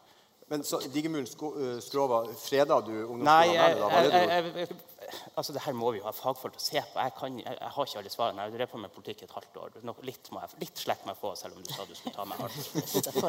Eh, replikk, Camilla? Ja, Vi hørte jo på Utdanningsforbundet sin eh, debatt i går at lærere ved Gimsøy skole sier at skal de frakte elever frem og tilbake til Svolvær, så er det ikke bare den tida vi tror det tar. Det tar tre timer. Skal foreldrene la ungene bruke tre timer av skolehverdagen for å komme frem og tilbake? Da må vi se på hvilken retning de bussene går i hvis vi bruker tre timer til Gimsøya. Ja, men det tar tid. Altså, Vi eh, Jeg, jeg, jeg, jeg skjærer av replikkene. Vi, vi følger talerlista. Frank er neste. Ja, jeg tenker jo at, eh, som jeg sa i stad, og, det- og det er jo rett som du sier, at eh, vi skal ha skolen for skolens skyld. Nå er det Venstre du snakker til. Ja, Ja. og ikke, ikke, for, ikke for bygdenes skyld. Men vi ser jo at på de skoleresultatene vi har altså De blir jo målt på skolene i dag. Eh, Det er ingen, det er ingen, ingen tendens at de som går på fådelte skoler, henger etter de som går på sentrale skoler. Det, det, det vet jo Venstre også, selvfølgelig. Og så tror jeg jo at bygden dør ikke på dagen når skolen blir lagt ned. Men over tid så gjør de det. For kommer ikke, folk kommer ikke til å etablere seg der eh, så lenge de vet at de må kjøre så og så langt for å komme til en skole. Og så er det dessverre for dere som er mer opptatt av økonomi enn meg, så er det sånn at den ene undersøkelsen vi gjorde, så viser, så viser det at hvis man skal tenke økonomi i det her, så er det elendig butikk å legge ned ungdomsskoler. Eh, skal du tenke økonomi, så må du legge ned skolen. Da kan du tjene penger. Eh, Men vi tjener ikke penger på å legge ned ungdomsskolen. Og så er det jo ikke sånn, for det høres ut sånn at dere tror at eh, de elevene som f.eks. går på Løvstad, der sitter én og én i klasserom og ser i vegg. Det er jo ikke sånn. Eh, Det er jo et skolemiljø, og de omgås med andre. Og de har et kjempegodt samarbeid mellom de fådelte skolene. Men skal, du få økonomi ut av det, så må du legge ned hele skolen. Ja. Vil du det, da? Nei, jeg vil selvfølgelig ikke legge ned en eneste skole. Nei, jeg vet ikke. Det bare, jeg måtte bare spørre, sånn som du sa det. Kine fra Rødt. Ja, altså Vi mener jo at eh, nærskolen er veldig viktig for bosettinga i, i eh, distriktet. da. Og jeg er mor til tre. Og eh, jeg ville ikke ha bosatt meg ute i distriktet i Vågan kommune dersom at eh, det ikke var tilgjengelig noen form for skole, og det gjelder også ungdomsskole. Når det kommer til den økonomiske delen, så er det jo sånn at eh, skal man slå sammen disse ungdomsskoleklassene, så blir det ikke billigere. I tillegg så har du bussutgifter fordi at eh, man kan si at ja, man tror ikke på at det tar tre timer tur-retur. Men sant, du skal innom flere plasser. Og det vil koste det å, å frakte elever til og fra distriktene. Alt på å si På sommerferien tar det i hvert fall tre timer med alle bobilene. Men det, da er det kanskje ikke skolen opp. Eh, Espen er neste på talerlista. Det, vi si, jeg har vært med siden 1999. Og i alle disse årene så har det vært politisk uenighet om dette. Og i alle, etter alle valg så har det også blitt sånn at det har blitt dannet et flertall som har valgt å bevare det slik som vi har det. Og det har, Sånn har det vært fram til i dag. Ja, for dette er vetosak i Vågan-politikken. Ja, helt klart. Eh, og, og men så fører det jo til noen konsekvenser. Og konsekvensene er jo at eh, i, vi som kommune så har vi bundet veldig mye kapital i skolebygg.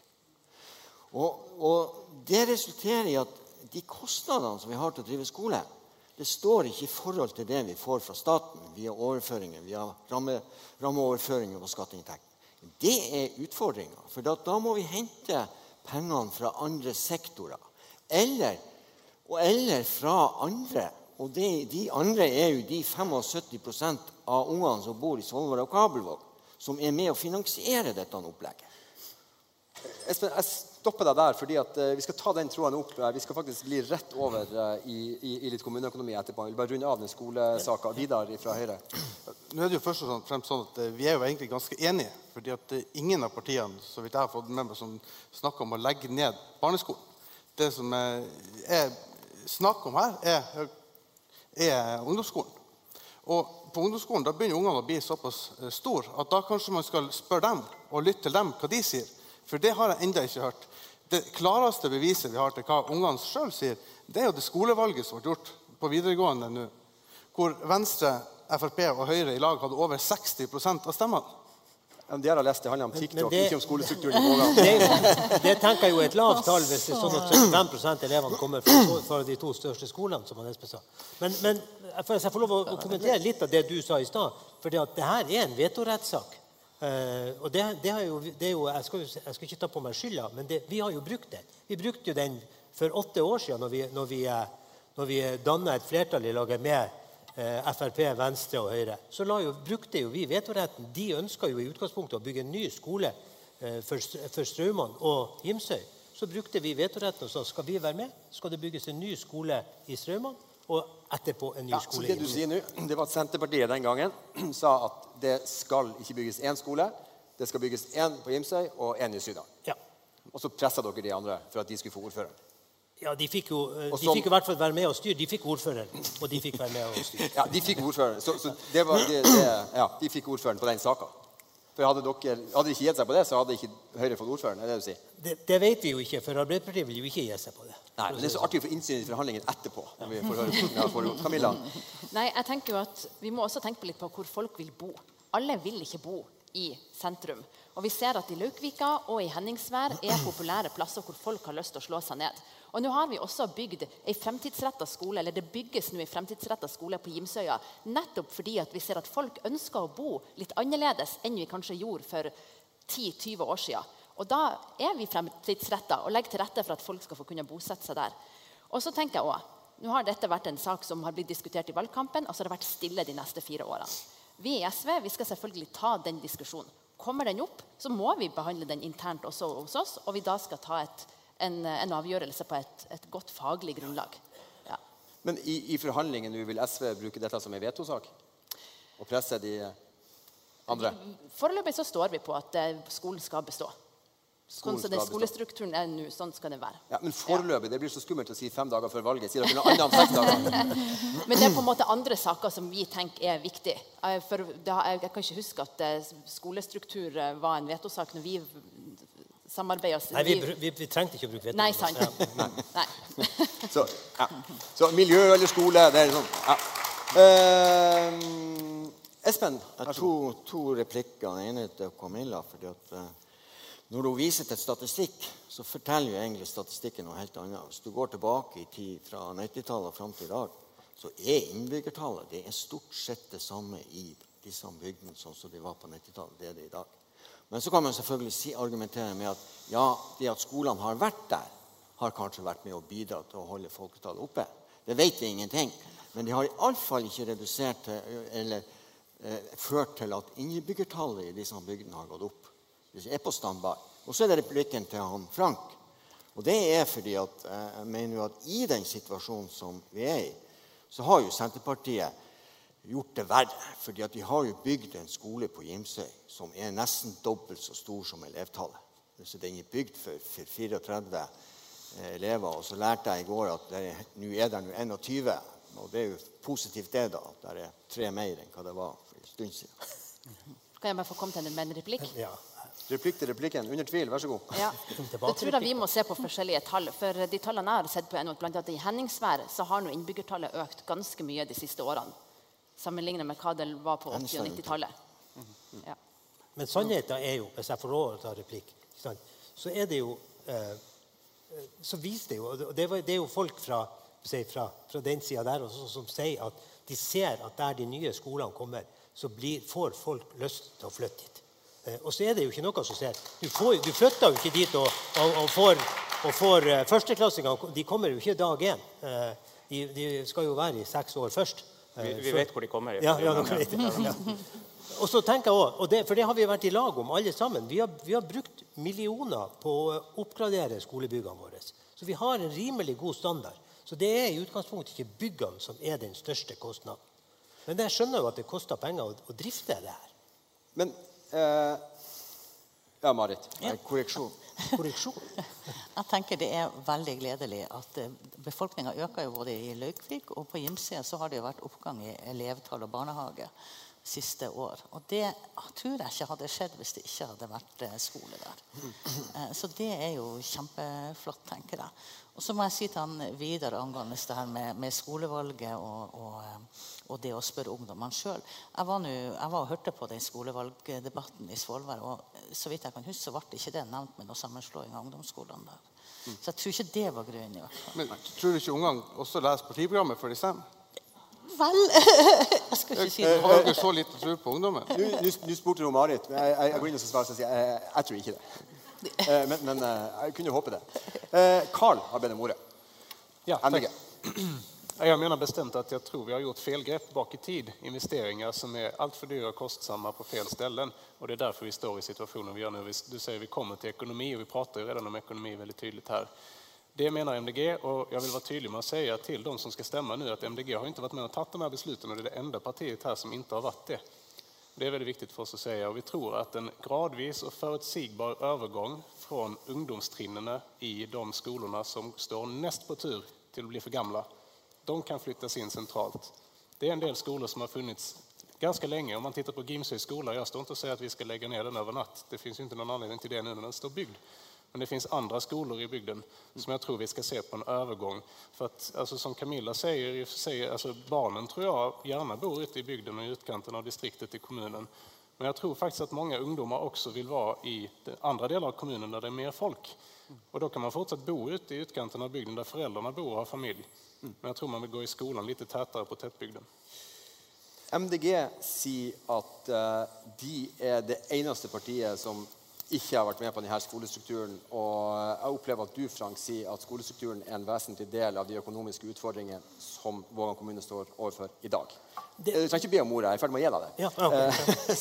Eh, eh, er det sånn at den skolestrukturen og de investeringene som du viser til i de byggene, eh, er det det som er loddet rundt foten eh, som gjør at eh, økonomien i Vågan er meget svak? Nei, det er heldigvis ikke det. Eh, Det er jo sånn, og Dere har jo vært så hjelpsomme at dere har jo laga en tabell til oss med eh, hva slags eh, rentebærende gjeld vi har, og fordelt det på en del prosjekter. Og Der ser du jo at over halvparten av den rentebærende gjelda, som vi har, det har vi på Solver skole og Kabelvåg skole. Eh, og så er det jo det, Ja, det er som- skolebygg, det òg. Jeg tar det i den ja, store pakken. ja, ok, Hvis vi tar de med, så er det klart at Men de skolene har vi måttet bygge ny. Vi har, vi har, vi har, vi har Syddalen skole, som jo er ferdig, og vi har begynt å betale på. Den har 40 mill. Ja, men, men, men du sier at eh, hvis du tar Svolvær og Kabelvåg med i dette, det, noen, det måtte eh, Vågan kommune ha bygd. Men det er jo det som er noen ting må man, Ja, ja. og så har man råd til noen ting, og så har man ikke råd til noen ting. Så det- summen av dette er at halvparten av den rentebærende gjelda i Vågan kommune i øyeblikket er knytta til de skolebyggene som dere alle, bortsett fra MDG, har vært med å vedta. For det har det vært enstemmighet om. Ja, Høyre har stemt imot 40 mill. av det her beløpet. Fordi de ønska at vi skulle bygge en skole til 40 mill. Eh, Men det var fordi de ikke fikk ordføreren for fire år siden. Var det ikke sånn? Ja, det kan jo si, men Skolestrukturen. Camilla. Ja. Eh, koster det for mye? Er det i ferd med å ruinere Vågan kommune? Jeg tenker at vi må se på andre måter å spare inn penger på. Jeg tror at kommunen må være mye mer smart når det gjelder å omstille hvordan vi bruker penger. Det kan være alt ifra strøm, f.eks.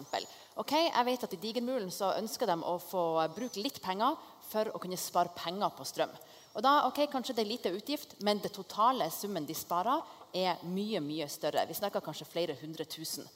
Sånn at jeg tenker at Vi skal ikke spare penger på elevene sin skolegang og trivsel hvis vi ser at den skolestrukturen vi nå har, fungerer. Da er vi nødt til å begynne å tenke på hvordan andre måter kan vi spare penger på. Og Det kan være eh, skifting av vinduer, miljøtiltak, andre ting. Og ikke bare når det gjelder skolebygg. Vi har jo ganske mange andre offentlige bygg òg, og andre grep vi kan ta for å spare inn de pengene. Men det, igjen så er det et viktig moment å, å trekke frem at vi som politikere har veldig liten innsyn i detaljene på hvor pengene brukes. Og det synes jeg er Noen trekker frem at sånn skal det være, men jeg syns noen ganger at det er litt uheldig når vi blir spurt om det. For det er ikke alt vi har oversikt over. Men en del av det dere har innsyn i, det er jo alt som står i Lofoposten. Eh, og gjennom Lofoposten så har det jo uten tvil vært tydelige budskap fra kommunedirektøren om at skuta har feil kurs. Eh, det er eh, så kraftige advarsler som en, som en eh, kommunedirektør egentlig kan komme med. Hva er det som skjer i 2019 når man går fra år tilbake hvor man har hatt gode overskudd og fylt opp fondene, og fra 2019 så tærer man og tærer man og tærer man, og nå har et merforbruk på det er vel snakk om både 20 og 30 millioner frank? ikke det? ja, Den siste orienteringa vi fikk i formannskapet, så sa han at per i dag så ligger vi på det nivået. Men så gjøres det jo tiltak, så vi håper jo at det som resultatet er 31-12, at det skal eh, være Men hva er det som skjer? Hva er det som skjer? Ja, det skjer jo en, det skjer jo en del. Det skjer jo en masse. Eh, For det første så, så har vi øka betydelig i folketall. Derfor er tallene blitt høyere. Og så har vi eh, i tillegg så har vi hatt en Underskuddene er blitt større? Nei, blitt nei, nei, nei, og du spør om bare underskuddene. Eh, Ja, vi, har, vi, har to, vi har jo to Ja. store elementer Ja. eh, som har vært med å dra eh, underskuddene ned. Det ene er jo pandemien, eh, der vi har 28-29 mil som vi ikke fikk kompensert. Eh, jo, det er, det, det, det er de tallene vi får fra kommunedirektøren, og det må vi stole på. Eh, det andre er jo det at vi eh, Eh, Vi har eh, gått igjennom eh, anleggsregisteret vårt. Og siden 1970 så har vi altså betalt for lite i eh, avdrag. Vi har hatt for feile verdier på det vi har. Så vi, det er på en måte Jeg skal ikke si det er fiktivt, for det er jo rett, men vi har fått straffa fordi at vi har gått igjennom det nå, og vi fikk da en merkostnad. En, eh, det er ikke en fiktiv, for det er en merkostnad, men det er altså, vi fikk 30 mill. i minus på den. Det er de to hovedtallene som gjør at vi har gått Ja, for man hadde for store vi skal ikke bli for teknisk på det, man hadde for store verdier i balansen som man måtte nedskrive, og Ja. da går det på drifta. Ja. Så det har dere fått på deres vakt. Ja, og så har dere fått fått pandemien på deres vakt. Ja. Så det er altså politikerne i Vågan fra 1970 og eh, pandemien fra Kina som er skyld i at kommuneøkonomien i Vågan er dårlig. Det er ikke bare det. for at vi, vi har andre minus også. Vi har, eh, vi har eh, ikke lyktes nok eh, med den omstillingsprosessen som vi starta nå sist. I, den ble starta i 2019. Egentlig var forberedelsen starta i 2016-2017. Men det er jo vi politikere, og det gjorde vi i lag. Når kommunedirektøren sier at vi skal legge ned to avdelinger på sykehjem, så sier, alle politikerne det kan vi ikke gjøre. Det hadde jo løst økonomien, men det hadde jo gjort at vi kanskje hadde et eldreomsorg som ikke var god nok. Eh, Espen Thorvaldsen fra Frp. Eh, det at dere har vært så enige om det her så lenge, altså åtte år eh, hvor dere satt i posisjon med Eivind Holt som ordfører, det var jo åtte konsensusår. Eh, og så er det blitt eh, fire år med Johnsen hvor det har, eh, har vært mer uenighet og, og, og åpent ordskifte rundt de tingene her. Men det at dere har vært så enige om de beslutningene som i dag har ført til kommuneøkonomien, er det ubehagelig? Nei, det er ikke ubehagelig. Men det er delt skyld, eh, hvis du ser bort fra det siste skolebygget som er bygd for stort. Men så er det jo sånn at eh, alle politikere ønsker jo det beste for sine, for sine innbyggere. Samtidig så er det slik at alle disse byggene som vi har eid, de går ut på alder. Og de går ut på alder i den perioden som ja, for åtte år tilbake og fram til nå. Omtrent alle bygg gått ut. Så det har vært et behov for utskifting. Men det som, det som skjer, det er jo at vi klarer ikke egentlig å begrense dette i, i takt, for å si det sånn, for vi gjør det for fort. Vi, vi, vi skal gjøre alt på en gang istedenfor å kanskje se litt mer langsiktig på det. Og det som skjer da, det er at du får jo en økning i Spesielt når du ikke har egenkapital, så er det jo lånefinansiert alt. Og det som smeller inn nå, det er rente, og det er avdrag. Og det, det her kunne, det har vi sett lenge. Vi har, vi har snakka om det, vi har sett på det, men vi har ikke vært realistiske til å gjøre grep på dette. Og, og legge en, en, en bedre plan frem i tid på dette. Ja, for, for man, kan, man kan jo si, eh, Frank eh, Dette med at du peker på pandemi og tilbake fra, fra 70. Men, men det som ikke rommer den delen av forklaringa, det er jo de faktiske tallene på netto lånegjeld i Vågan kommune, som i 2018 var 790 millioner. Eh, passerte en milliard i 2019, og nå er vel passert i snakkende stund 1,5 milliard. Det kan man ikke skylde verken politikerne fra 1970 eller pandemien for. Det er valgene som dere politikere har gjort. Det, det korte svaret det har du helt rett i. Men, men det er jo klart at vi har jo gjort en del som han Espen sier, vi har gjort en del store, gedigne investeringer. Vi har altså bygd eh, Kabelvåg skole og Kabelvågmarka barnehage. 400 mill. til sammen. Vi har, vi har bygd eh, Vågan lokalmedisinske senter. Totalrenovert og bygd på. Jeg ser det står i de tallene som du har gitt oss, 133 mill. i lånegjeld. Eh, Der er jo en, en, over en halv milliard bare der. Ja, men det er nettopp det. Ja, og det har vi vært enige om å gjøre. Dere har vært enige om det, men, men er ikke det hele problemet? Du sier at dere vil gjøre det beste for dere innbyggere, men for oss som innbyggere i kommunen er det jo ikke det beste for oss at kommunen er bankerott og nesten ikke har penger på bok lenger. Nei, det kan du si. Du kan vinkle det på den måten òg. Og konsekvensen av dette det er jo at det, det blir nok eh, tre-fire harde år for at vi klarer å snu økonomien til det positive, slik at vi klarer å skape egenkapital for å finansiere ting. Det, men så kan du vinkle det på en litt annen måte òg. fordi at eh, ja, La oss nå si at vi ikke hadde gjort det. Altså, Du er klar over at alle investeringene er gjort før den kraftige prisøkninga kommer nå, som er på 10-11 Og Det betyr at de byggene som er realisert, er faktisk realisert til en lavere kost enn det ville ha vært om vi hadde flytta det fram i tid. Men det blir en fattig trøst med 1,5 milliard i eh, Ja. nettobærende gjeld. Og så, og så er det jo en, en Vi er kommet langt ned i flaska på kvelden når vi ser det på den måten. Ja, ja, ja. ja. Eh, og, så, og så er det også sånn at eh, Nå er jeg jo ikke helt eh, enig med at ikke den posisjonen som har sittet, har, de har brukt for mye penger. Da Det er sier du de. Ja, da snakker jeg om den, den posisjonen som var. Helt klart. Og det er klart, når han, han nevner dette med pandemi Snakker du om dere også nå? Nei, nå snakker jeg om Senterpartiet og Arbeiderpartiet. De som har sittet de siste fire årene? Ja, ja, Ja. ja. Hva er det de har gjort de siste fire årene? De har ikke, ikke klart å, å begrense kostnadsøkninga som har vært. For det har vært ganske kraftig kostnadsøkning på alle områder. Og man har kommet for seint i gang med å gjøre omstillinger. Man har sett at den har kommet. Og nå er man for seint ute.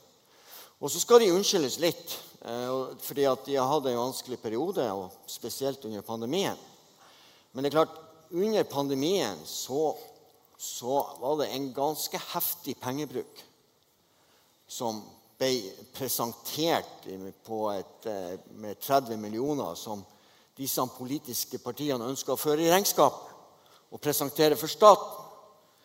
Så det er ikke alt som har vært like bra, for å si det sånn. Nei. Eh, Vidar, eh, du er Høyre sin ordførerkandidat, men du, du er veldig stille nå.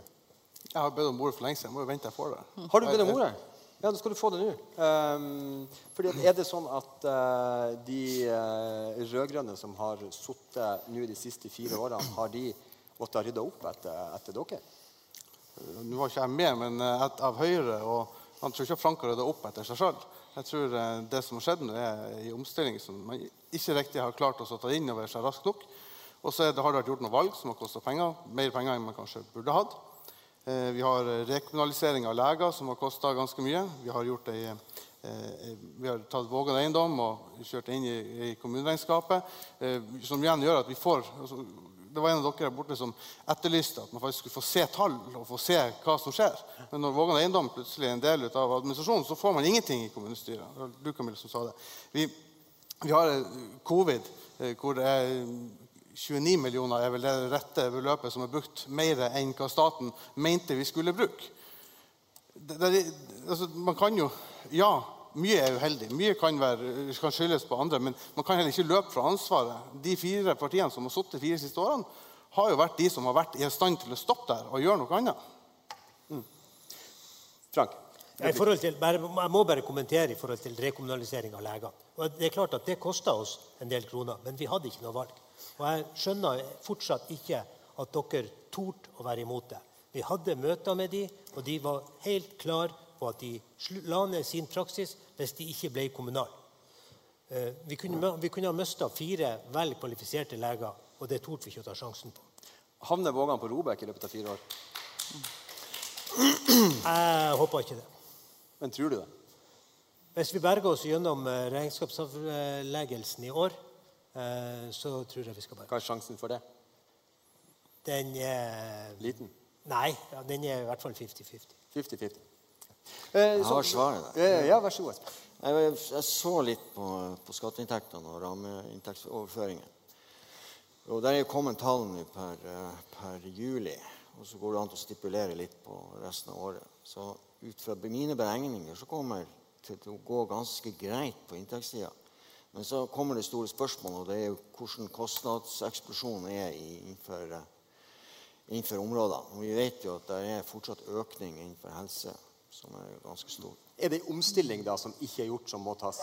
Er det det, jeg hører mellom linjene? Ja, her er altså Hvis du tenker på, på volumet Vi er vel mellom, mellom overkant mellom 700 og 800 millioner totalt sett i, i volum. Og det er klart, her er i alle bedrifter er, og i alle kommuner så er det eh, rom for å gjøre endringer og gjøre forbedringer og gjøre ting på en bedre måte. Og det er, det er prosesser som aldri stopper opp, og som vil fortsette så lenge Har det stoppa opp i Vågan? Nei, det har gått seint den siste tida. Eh, Men jeg, jeg tenker at nå kommer jo det en ny drivkraft, og det er jo at vi er nødt til å omstille. fordi at eh, hvis, hvis vi skal ønske å bevare det For jeg vil gjerne si at tjenestene til Vågen kommune er veldig bra. Og det viser også den tiltaksrapporten som kom fra skolen, at det står veldig bra til. Så det det handler om nå, det er å forsvare egentlig alt det bra som vi har. Og Det er det som blir, blir egentlig fanesak for oss alle sammen, uansett hvem som kommer i posisjon. Kort eh, spørsmål til deg på, på kommuneøkonomien. Hvem er ansvarlig for eh, økonomien nå de siste fire årene og det, den utviklinga som har vært?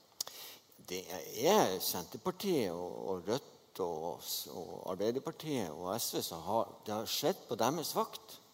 Og da er det dessverre sånn at det er deres vakt. Altså det, det er, selv om de har vært uheldige.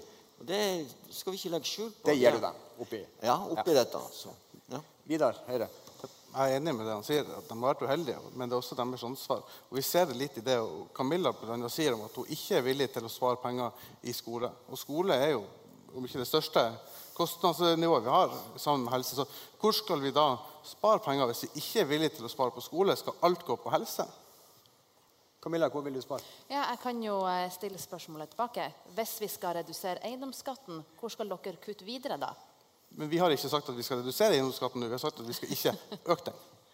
Og eiendomsskatten er et veldig godt poeng. For at du, alle her med økonomisk uh, teft skjønner at det er umulig å kutte på inntektene når det er så mye minus. Vi er nødt til å først få balanse, så kan vi gjøre de andre tingene. Og ja, vi ønsker å redusere eiendomsskatten, men vi kan ikke gjøre det med en gang.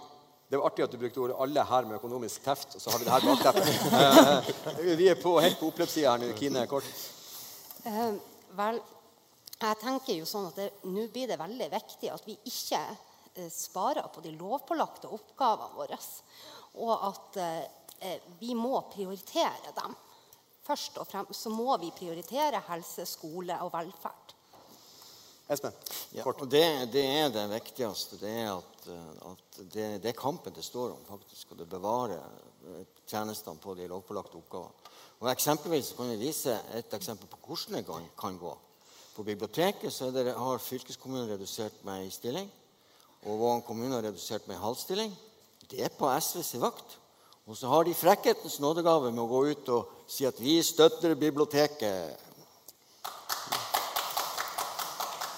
Vi er i ferd med å havne på overtid, så nå er tidsstyringa like ute av kontroll som økonomistyringa de siste fire årene. Eh, kort replikk. Helt kort, for vi har ikke redusert stilling, men vi har ei vakant stilling foreløpig. Camilla. Ei 0,4. Den er ikke Ja, når vi, tilgjengelig. når vi snakker om frekkhetens nådegave, så tenker jeg at du er ganske klar over at det ikke er SV som sitter med den på fylket. Fordi at de som har ansvaret for, for eh, bibliotekene på videregående, det er Utdanningsrådet. Nei, men dere sitter i posisjon i fylket. Det er greit, men du var ute og kritiserte eh, fylkesråd for klima, miljø og Ja, det er korrekt. Ja. Fanatisme eller flisespikkeri, det får dere eh, velgere avgjøre. Dette var tida vi hadde til denne valgdebatten i eh, Vågan. Det er fem dager igjen til valget. Jeg syns de eh, partiene her har fått fram ulikhetene i Vågan-politikken på en god måte.